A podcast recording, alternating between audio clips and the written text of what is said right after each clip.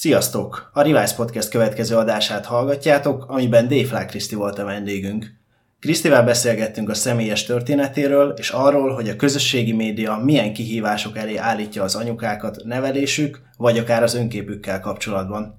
Elköszönésnek pedig egy-két tippel és trükkel is gazdagabbak lehettünk. Tartsatok velünk! Köszöntünk a Rivals Podcast csatornáján. Beszélgetések a digitális kor kihívásairól a generációk tükrében.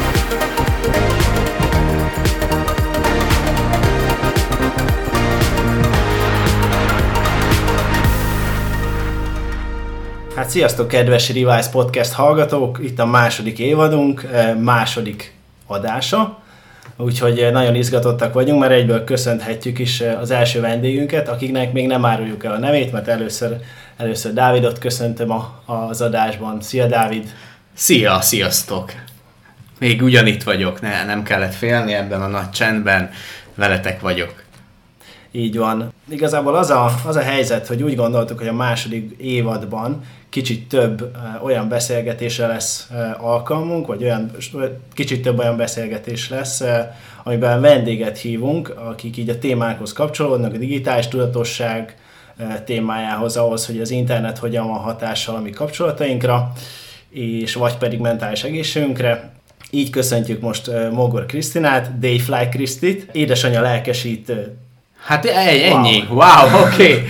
Szóval ez, uh, ahogy itt Jonathan is mondta, ebben az évadban szerintem nagyon inspiráló személyiségek jönnek, és ebből is látszik az, hogy, hogy a, meghallgattuk azokat a kéréseket, óhajokat, sohajokat, amiket írtatok nekünk, hogy milyen, milyen emberekkel lenne jó beszélgetni, és ezért tök jó, hogy, hogy Kriszta így elfogadtad. Krisztina, Kriszti, nem tudom, hogy szólíthatunk ma. Krisztit szeretem. Kriszti, na akkor Kriszti, tök jó, hogy elfogadtad a meghívásunkat, és itt vagy. A hallgatóknak annyi kulisszatitok, hogy ez most egy Zoomon keresztül készül a, a felvétel, eredetileg élőben találkoztunk volna, de hát ugye ezekben a mai időkben mindenre is fel kell készülni, úgyhogy mi így is örülünk, hogy, hogy, hogy részt tudsz venni a beszélgetésben.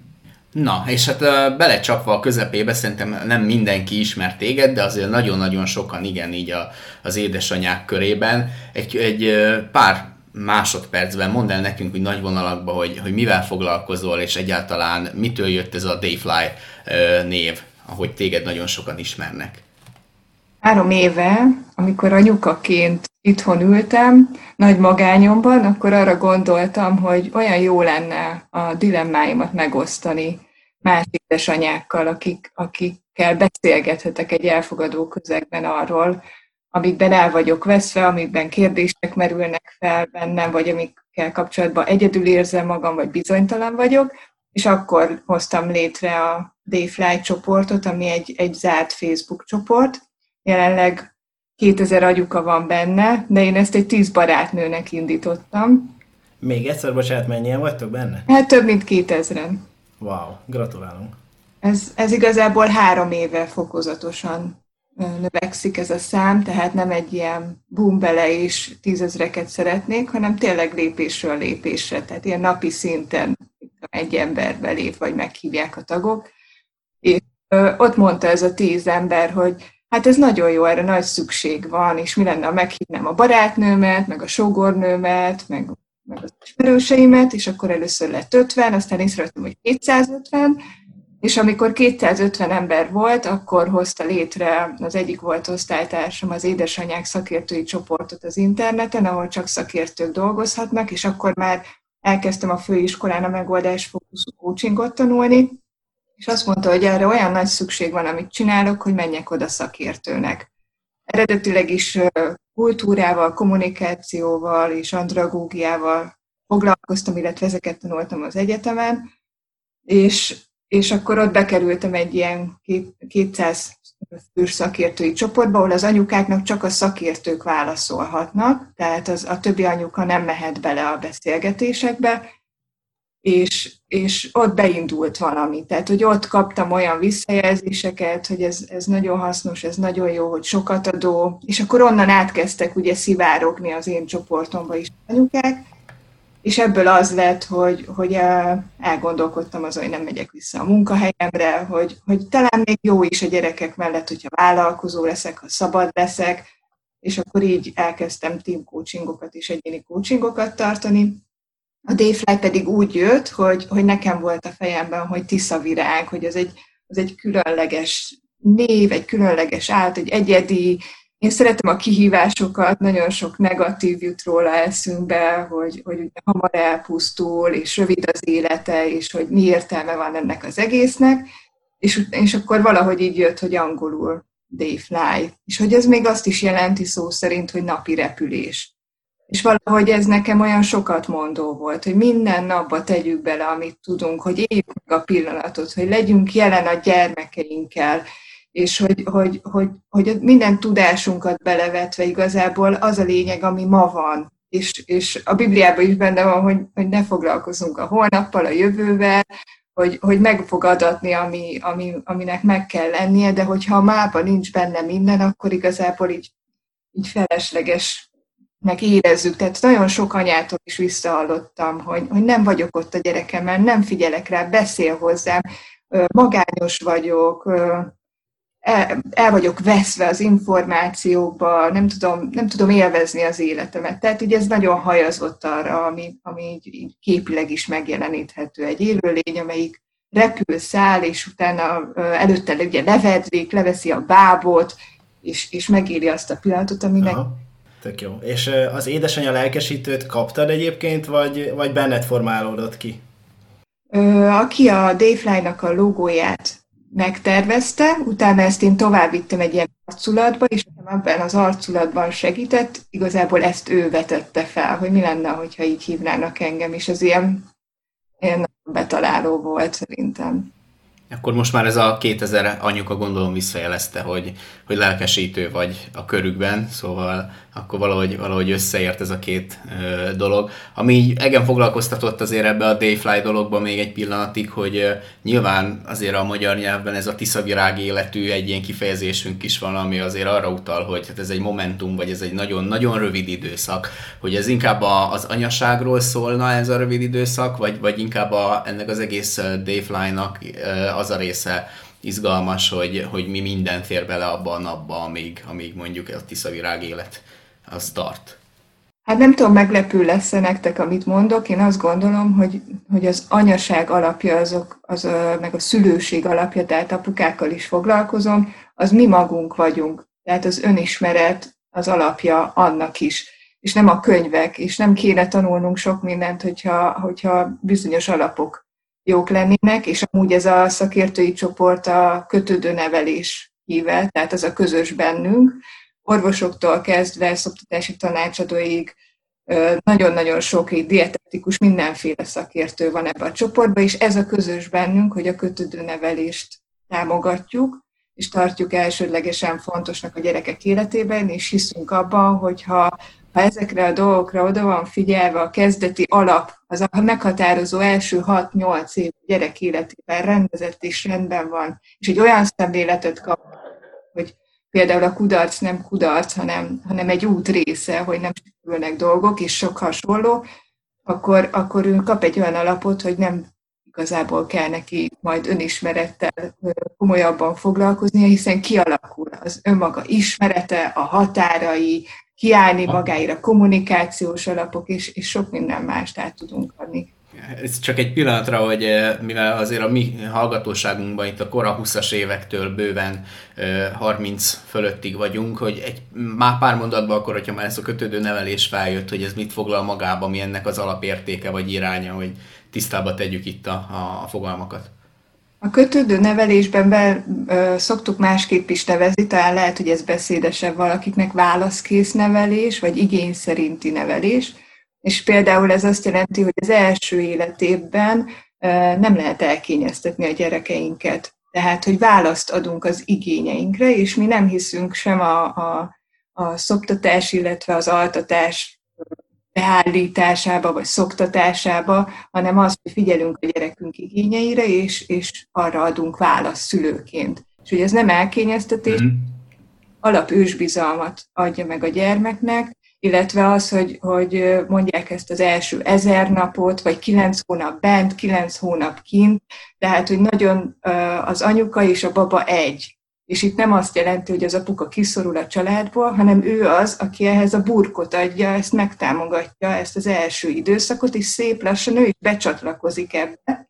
De hogy ezt nem lehet, ez a két dolog van, amit egy apuka nem tud csinálni, az, vagyis három, maga a várandóság, a szülés és a szoktatás. Ezen kívül pedig mindent. És azt kell nézni, hogy, hogy, tehát, hogy itt, itt picit figyelni kell az első körben, mert hogy egy test és egy lélek szinte az anya meg a gyerek. És ezt, ez, ez teljesen természetes dolog, és ezt nem kell erőltetve elvenni, sem az anyától, sem a gyerektől. Ez szép lassan, hiszen egy ember autonóm egyéniség, minden gyerek szeretne önállóvá válni és leszakadni, és mindegyiknek más a tempója, igény szerint. És ezért vannak kényszerpályák, van, hogy egy anyukának vissza kell menni dolgozni, például egy gyerek egy éves korában is még nincs kész a közösségre, de nem mindegy, hogy ilyenkor megtagadjuk, és azt mondjuk, hogy, hogy nem jogosak az érzéseid, neked ezen túl kell lenni, katona dolog, ne sírjál, stb. Vagy azt mondjuk, hogy igen, értem, hogy ez fáj neked, és nehéz. Most ezek a körülmények, gyere ide, és sírt ki magad, mondd el nekem, itt vagyok, ez van, ez most szar helyzet, mi se akartuk így, és egész más, mint hogy azt mondja, hülye gyerek, hát már menned kéne az óvodába, és esünk full rajta, és szakadj már le anyádról, meg hasonló kommentek szoktak lenni. Hát ennek megvan szerintem később a bőtje, hogyha ezeket a dolgokat így kommunikáljuk, és így erőltetjük. Aha. És mi, mi egyébként a leggyakoribb dolog, amivel jönnek hozzá így segítségért? Hát egy, egyrészt eleve magányosak az anyukák, magukkal a gondolataikkal, hatalmas generációs különbség van, és nem az, ez nem azt jelenti, hogy régen csinálták jól, vagy rosszul, vagy most csinálják jól, vagy rosszul. Nagyon-nagyon sok információ van, amik, miket nehéz helyre tenni. Például hallok ilyeneket, hogy de hát szeretem a szüleimet, akkor nem jól csinálták, vagy én csinálom most rosszul. Tehát, hogy nem erről van szó, jobb lenne, hogyha ilyen minősítések így nem is kerülnének a fejünkbe, hogy jól vagy rosszul, vagy ő, vagy én, hanem hogy minden ember más, minden időszak, korosztály, más a társadalmi beállítódás, más a nők helyzete. Szóval van egy ilyen, hogy kérdéseket keresnek az anyukák. Tehát, hogy tisztán szeretnének látni, tudatosítani szeretnének dolgokat, és akkor ugye itt is, amit mondtam, az önismeret, hogy hol van az a határ egy anyukánál, amiben beenged szólni másokat, vagy nem és itt, itt a párkapcsolati problémák is beszoktak ugye jönni, mert hogy, hogy máshonnan jön az anya, meg az apa, mást gondolnak dolgokról, és más a megélésük a múltból, a tudatalatti hogy, hogy például egy túlféltő anyának oka van, tehát az ő határait szinte biztos, hogy megsértették gyerekként, vagy meg megsérült ő, tehát ő, ő élte meg. Itt nem arról van szó, hogy a gyerek vagy a szülő bántani akarta, hanem ő esetleg rosszul élte meg, és nem dolgozta fel, hogy nem tudom, hamar elszakították, nyarakat a nagyszülőnél tartott, bármilyen megélés lehet tudat alatt, amitől ő elkezd félni, hogy elviszik a gyerekét, vagy odaadja idegeneknek, másoknak, akár a saját szüleinek is. Tehát, hogy, hogy ezekben szoktak ilyen tisztánlátást keresni sokszor. Hát van, van olyan, aki nagyon-nagyon feszült. Nem mondanám ezt még pánikbetegségnek, mert ugye ilyen helyzetekben már, már pszichológus, pszichiáter segítségét kell kérni, de, de, de a mindennapjait nagyon feszülten éli meg, és, és görcsösen, és, és aggódik a jövő miatt. Hát vannak feldölt, tehát a, a, a coaching az a jövővel foglalkozik, és a célokkal elsősorban, illetve hogy hova szeretnénk eljutni, de ettől függetlenül a múltunk az életünk része, tehát sokszor azért, azért vannak ilyen, ilyen régi sebek, amik, amik feljönnek akarva akaratlan, ezt nem lehet kizárni egy coaching beszélgetésből sem. Hú, nagyon sokféle téma szokott lenni, a legkülönbözőbb, a legkülönbözőbb. Vannak patchwork családok is, de általában olyan, olyan családok járnak többségében hozzám, akik, akik együtt vannak, és próbálják azt, hogy, hogy valahogy harmónia. Tehát majdnem, majdnem a leg, leggyakoribb cél az a harmónia kiegyensúlyozott család megteremtés, és akkor persze konkretizáljuk utána, hogy ez mit jelent, de hogy ezt szokták mondani elsőre, hogy ne legyen itthon kiabálás, hogy szeretet, hogy békesség legyen.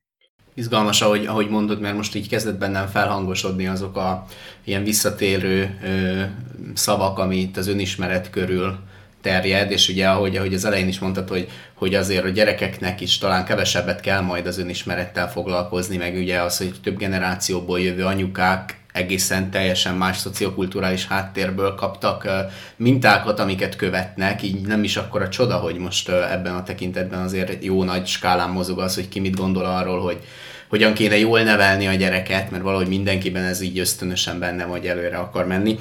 De valójában ez a most, ahogy így ezeket így mondod, az, az feszül bennem, hogy vajon, hogy vajon tényleg ez a, a mostani kornak ez a nagy ön útkeresése, az önismeretnek a, a feldolgozása, vagy az önismeretbe való elmélyedés, vagy pedig nem tudom, vagy pedig most, most értünk meg oda, hogy, hogy annyira bizonytalanok vagyunk, hogy annak az első lépése, hogy önmagamat valahogy megismerjem.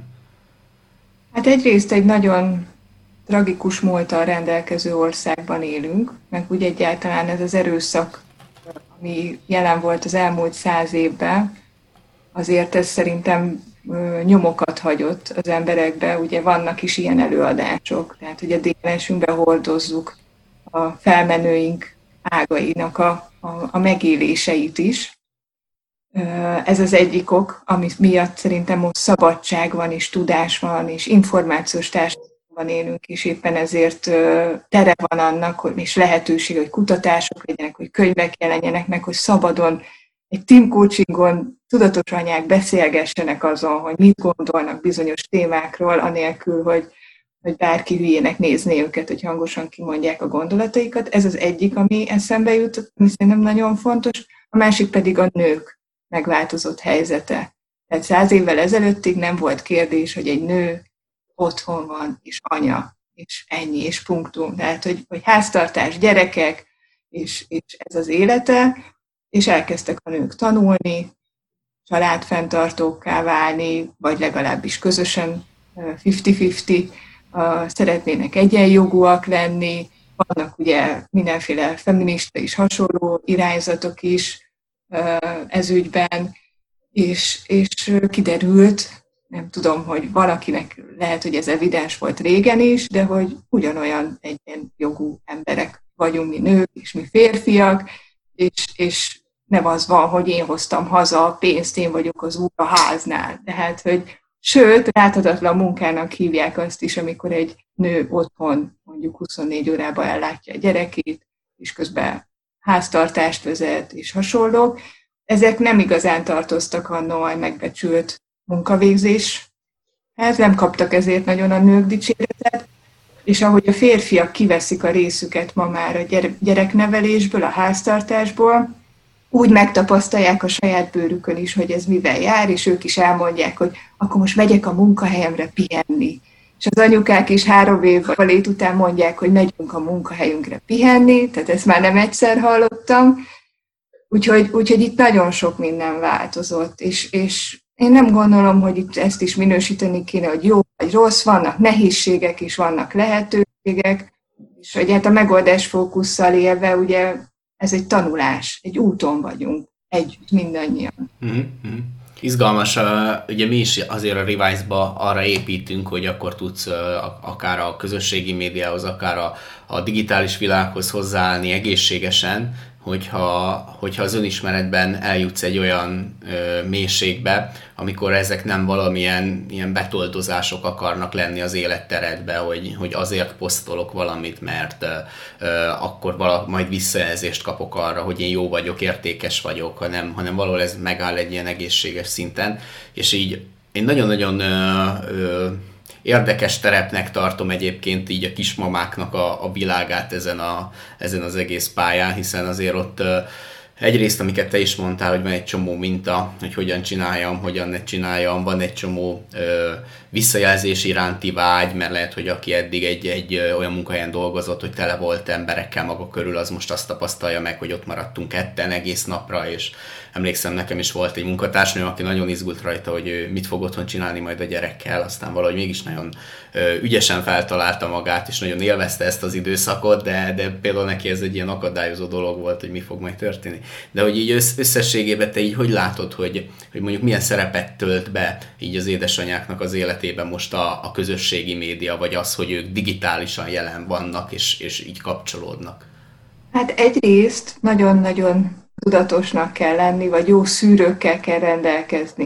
Tehát, hogy ezt, ezt meg is kérdeztem amúgy, az elmúlt napokban, hogy készültem a beszélgetésre az anyukáktól, és mindegyik azt mondta, hogy, hogy szűr, szűri az évek során, hogy hol van jelen.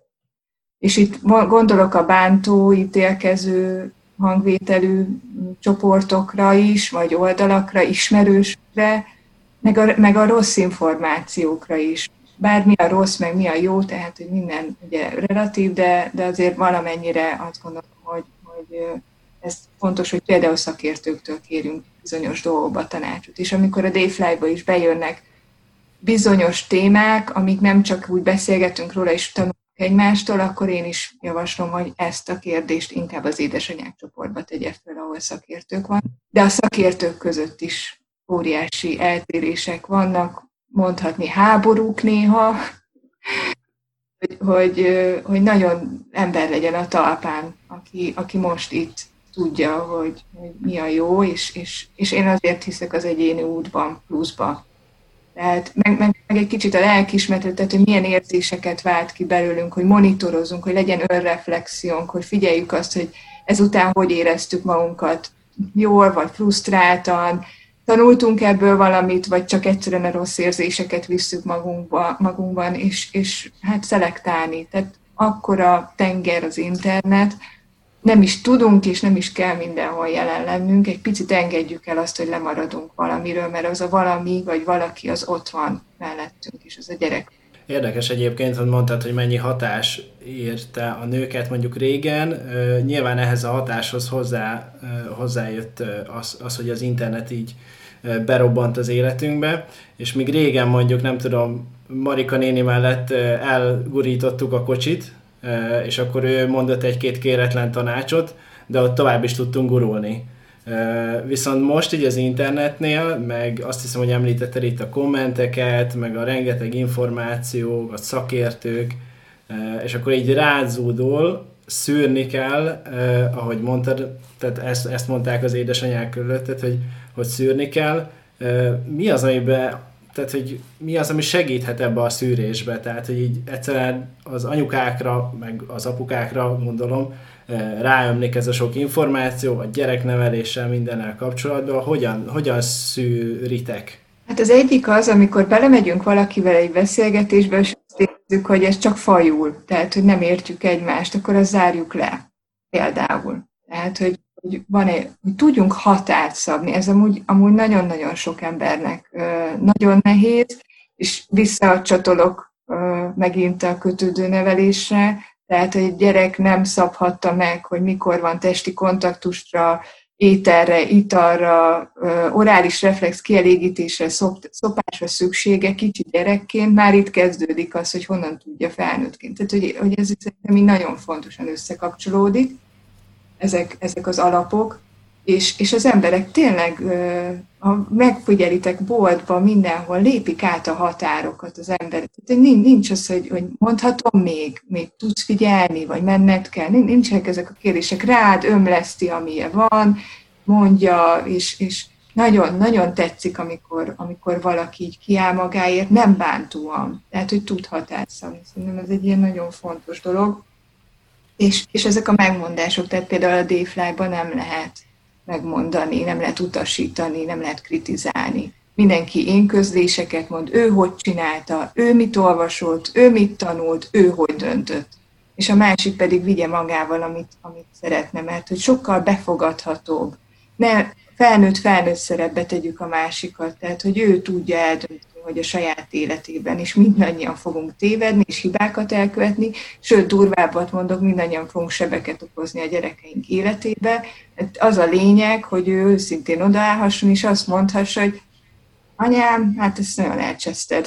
Figyelj, ez a viselkedés nem fér bele. Tehát, hogy, hogy, hogy most anyu állítsd le magad, így el egy pohár vizet, és akkor gyere vissza, vagy tehát, hogy, hogy lehessen egy olyan, egy, egy ilyen őszinteség, hogy ő is szabhasson határt De ez velünk kezdődik, mi mutatunk példát. Tehát amíg azt látja a gyerekem, hogy én, én várjál, még válaszolnom kell, már nagyon mennék, de még, még ezt kell csinálnom, meg még azt kell, akkor most kinek az életét élem? Annak, akinek válaszolnom kell, és nem tudom azt mondani, hogy figyelj, majd folytassuk a megfelelő időbe, Szóval, hogy, hogy ezek, ez, ez szerintem egy ilyen kulcskérdés. És meg a, a, a másik, amit mondtál, ez, a, ez, a, ez az érzés, hogy, hogy hogy vagyok jelen. Például szokták mondani ilyen, vagy kérdezni ilyen internet függőségi kérdőívekben, hogy, hogy valaki akkor érz, tehát boldogtalan, amikor nem internetezik, és boldog, amikor internetezik. A szabad idejében várja, hogy már nyomkodhassa, hogy ott lehessen a, a telefonnál, hogy, hogy, hogy szeretnék kicsit elfelejteni az életét, csak már hagy menjen, csak már hagy legyen ott a, a telefon, és ne, ne legyen ott a gyerek, aludjon már el, hogy nyomkodhassam. Vagy például alvás helyett valaki internetezik, és érzi másnap, hogy amúgy fáradt. Több alvásra lett volna szükség, és reggel ordítozik a gyerekkel, hogy miért kell fel, na most nem is tudom, egy olyan két-három éves korig készüljünk fel, hogy fent leszünk hatkor, nagy valószínűséggel tisztelt a kivételnek, de a gyerek jön. És, és akkor azért leszúrom a gyerekemet, mikor természetesen ébred, mert én este interneteztem, és nem aludtam ki magam. Tehát i- i- ilyenekre gondolok. Beszéltél arról, hogy a, itt a Dayfly csoportban hogy történik a megosztás. Gondolom azért ez elejével nem így ment. Hát nem volt sok troll amúgy a, a csoportomba, tehát hogy, hogy volt, volt egy idősebb nagymama, aki belépett és próbált az egészet megfúrni, ő így eléggé, tehát akkor, akkor írtam meg az első szabályzatot, akkor körülbelül egy fél éves volt a csoport. Egy javaslatra azt írtam, hogy aki, aki kötekszik, az saját magát zárja ki a csoportból, és akkor kilépett de hogy, hogy így rajta kívül nem, nem emlékszem olyan nagyon olyanra, akivel nem lehetett megbeszélni. Én szólok. mert hogy, hogy ha bárki szól, hogy ez így kellemetlen, vagy túlzás, vagy én úgy érzékelem, hogy, hogy nem jól fogalmazott, vagy nagyon utasító volt, akkor én ezt megkérem, hogy itt ne. És uh, amúgy biztos vannak, akik kilépnek, de nem nagyon veszem ezt észre, hogy csökken a, a, a száma a csoportnak, inkább belépnek de hogy, hogy ez ilyen, nem tudom, ilyen szabályzat nálunk is. Szerintem ezt is szeretik, ezt is várják, erre is van szükségük. És hogy látod egyébként eleve a közösségi médiának a, a hatását így az anyukákra? Mondjuk itt értek olyat, hogy mi is beszéltünk a podcastban az első évadban olyanról, aki a gyerekét ilyen média eszköznek vagy marketing eszköznek használja, nem tudom, épp a legújabb babakenőcsöket vagy a babakocsit reklámozza vele, tehát erről is nyilván nekünk is volt egyfajta véleményünk, itt marketing szakemberként a Dávid ebbe belelát ennek a hátterébe. Te hogy látod ezt, hogy az anyukákra hogyan hatnak ezek a tökéletes szülői képek, úgymond, ami például egy Instagramon jelen van? Hát nagyon rosszul. Nem az lett a könyvemnek a címe, hogy a tökéletességhez nem lehet kapcsolódni nagyon sok, több száz család életébe belátok, a barátoknak, a saját családunkba és az ügyfeleimnél nincsen, nincsen tökéletes család, és nincs olyan, ahol nincs probléma. Tudnunk kell, hogy ez egy szeglet, amit ő mutat, valami, valami oka van, és, és mindig az ok, tehát ugye, hát megoldás fókusza ugye az, az lenne a kérdés, hogy hova szeretne eljutni, de, de attól, még fo, attól még kell, hogy tudjuk, hogy ezeknek a viselkedéseknek mindnek oka van, hogy, hogy valaki ezt csinálja. És az ítélkezés nem visz előre. Ettől függetlenül azt gondolom, hogy, hogy a gyereket nem kérdeztük meg, hogy ő szeretné mutogatni magát a világ előtt. Én nagyon-nagyon-nagyon ritkán teszek fel velük képet, most már el is homályosítom általában őket. Tehát ők más, már külön emberek is, nem a birtokunk, nem a tulajdonunk. Mesélsz nekünk erről a személyes útról, mert nyilván tehát, hogy az anyukák azért szeretnek, mint minden ember, valaki mögé felsorakozni, és azért te, mint aki akkor a, mégiscsak a csoportnak a fő mindenese vagy, azért gondolom, hogy rád egy kicsit kiélezettebb figyelem vetődik, tehát hogy így mi az, ami, ami, amit ne, te így végigjártál.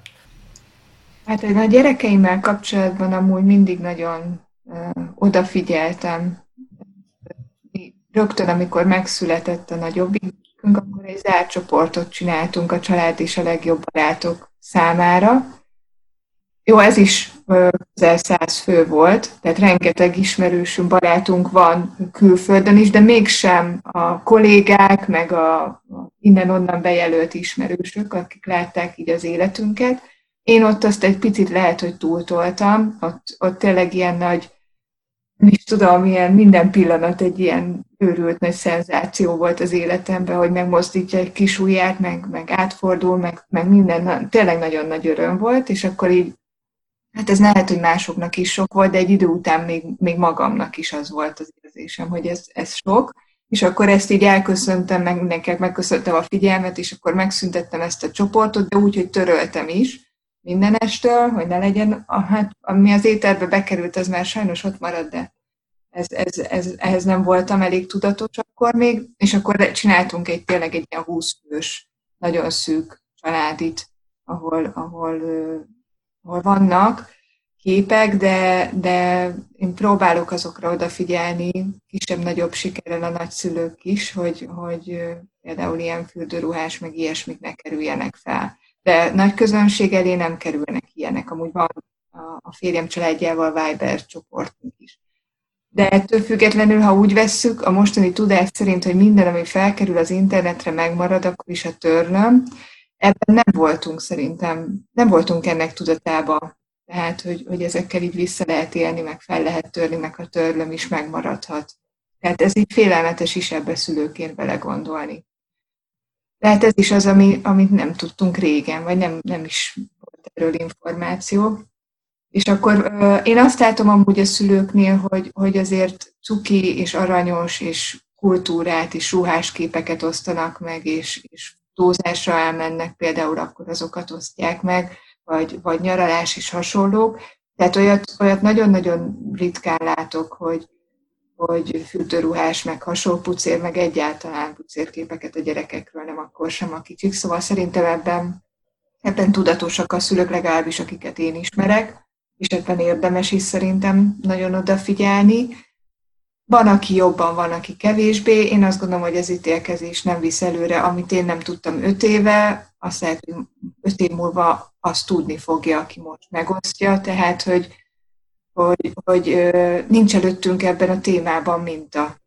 A mi gyerekkorunkban nem volt internet, a mi szüleink nem osztottak meg, ebben nem tudtunk példát tanulni, és olyan, mint ez is, hogy, hogy amit törlök is ott marad, hogy ez épészel szinte felfoghatatlan és, és irracionális a, a racionális agyhoz képest. Tehát ugye ebben, e, ezekről nincs nagyon tudásunk, tapasztalatunk, most járjuk ki ezt az utat, és azért is hasznos, amit csináltok, meg azért is fontos, hogy erről beszéljünk, hogy, hogy ne legyen a szőnyeg alá söpörve, hogy minél több emberhez eljusson, hogy elgondolkoztasson, hogyha már csak egy ember egy ilyen beszélgetés után megáll és, és abba hagyja és, és átgondolja, és jobban odafigyel ezekre a dolgokra, akkor már megérte.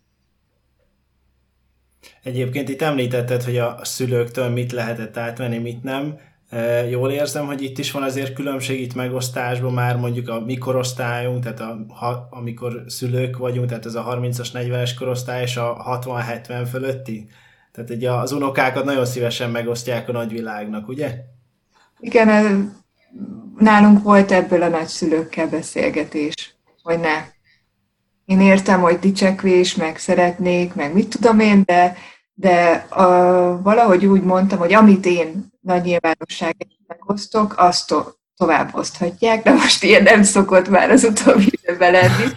És múltkor például a kislányomnak a lábáról csinálta, hogy hogy is volt azt hiszem a lábáról csináltam egy képet, ahogy felvette a, a a lengető farmát így a suli kezdéskor, és így osztottam meg uh, családi, nem is tudom, hogy. Nem, nem, nem a, a, a hivatalos oldalamon, hogy megkezdődött a tanév, és akkor anyukám ezt osztotta tovább, ugyanúgy tiszteletbe tartva egy lábat. Lelkesen. Igen, és, és boldog volt, hogy megosztatja, hogy másodikos lett az unokája, és értem, és szeretem, és tudom, hogy, hogy kikürtölné, főleg az elején mindenki kikürtölné, hogy szülő lett, hogy, hogy nagyszülő lett, hogy boldogság, és de hogy, hogy, hogy valahol, valahol tényleg nagyon fontos, hogy ezeken elgondolkodjunk, hogy miért is, meg mennyit, meg hogyan. Uh-huh. Így, ha jól emlékszem így a könyvedre, ugye nem, ezt még nem is említettük, ugye, hogy neked van egy könyved, és uh, ott is azért vannak ilyen fotós illusztrációk, és ahogy, ahogy így lapozgattam, én is azon gondolkodtam, hogy ezek most saját képek, vagy stockfotók, vagy uh, az csak így illusztratíve vannak benne kisgyerekes képek, hogy mégis a téma adja, vagy, vagy egyébként ebben ez hogy alakult? Igen, ezt megbeszéltük családilag, hogy, hogy ez, így, ez így hiteles, mert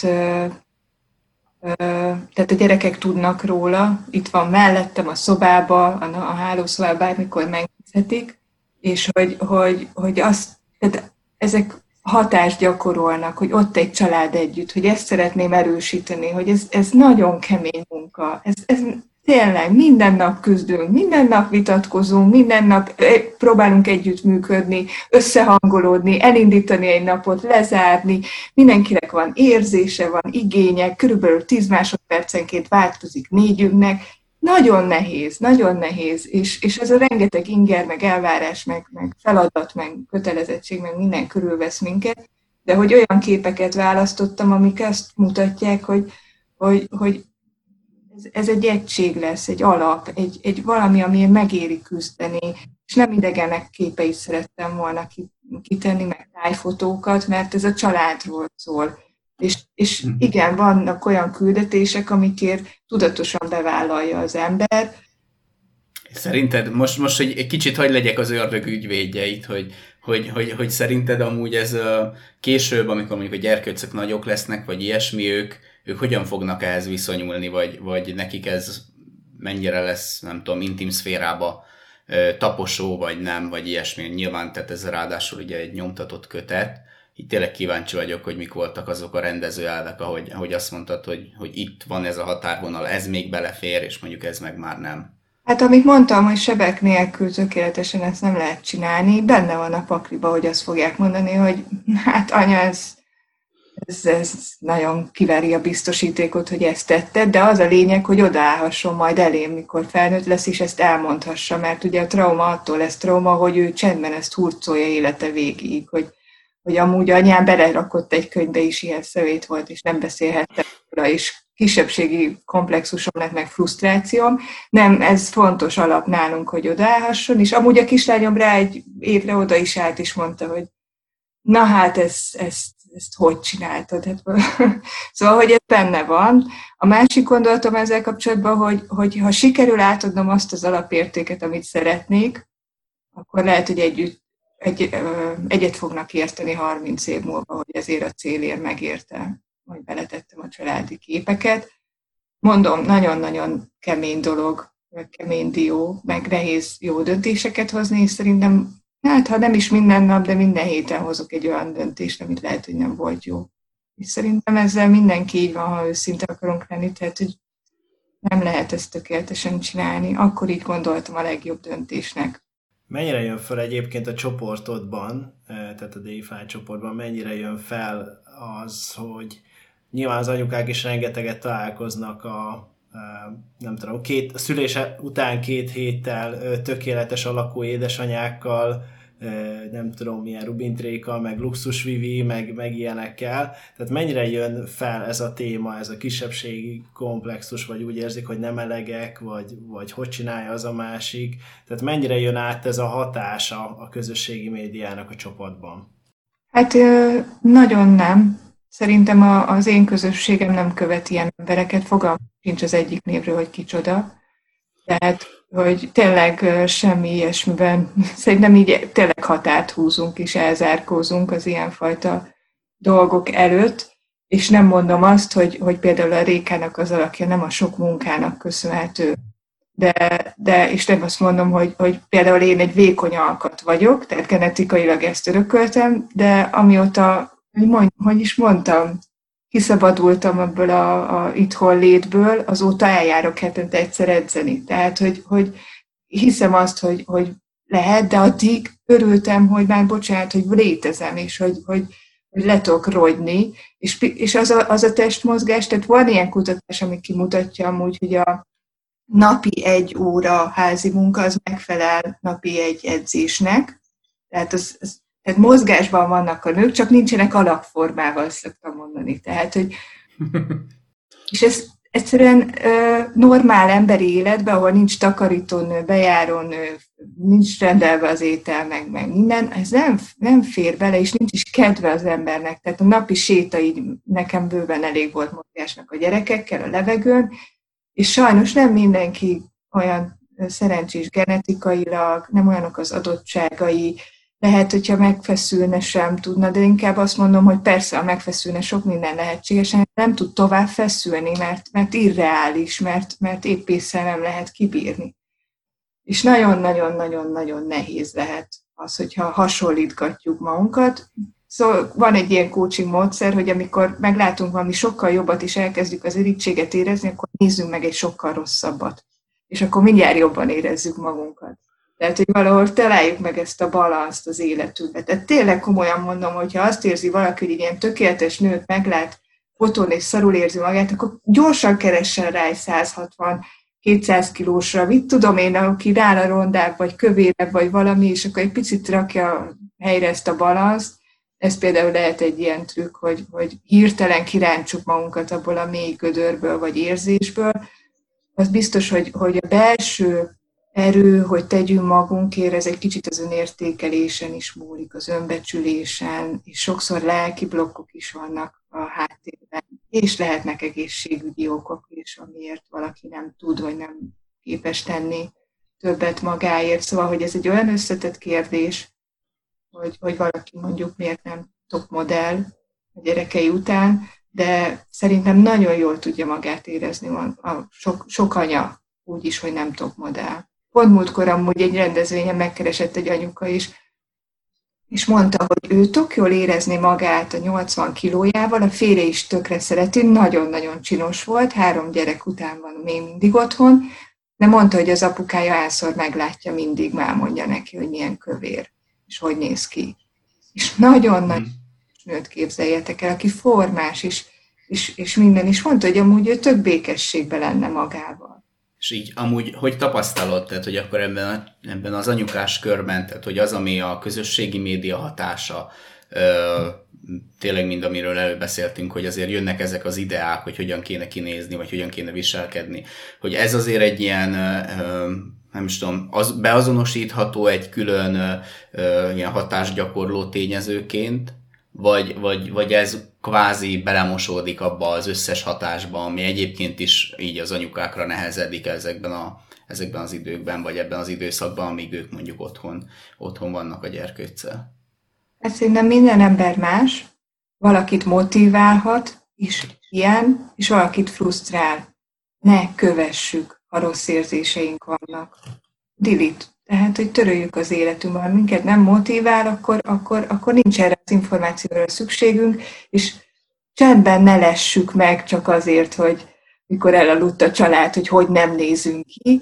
Tehát, hogy, hogy amúgy ezt is szokták mondani, hogy, hogy az internet függőségnek az is az egyik jele, hogy elkezded letagadni, amiket megnéztél.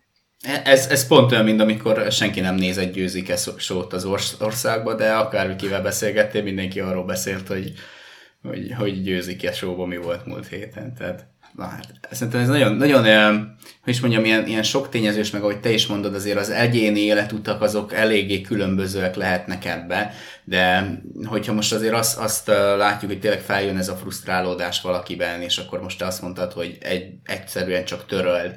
Hogyha valaki erre nem képes, akkor mit mondanál neki, hogy milyen úton lehet ebbe elindulni? Hogy... Önismereti úton valami oka van, dolga van ezzel fogjuk fel úgy, hogy ez egy jelzés, ez egy piros gomb, amit érdemes megdolgozni, és fektessünk bele időt, energiát.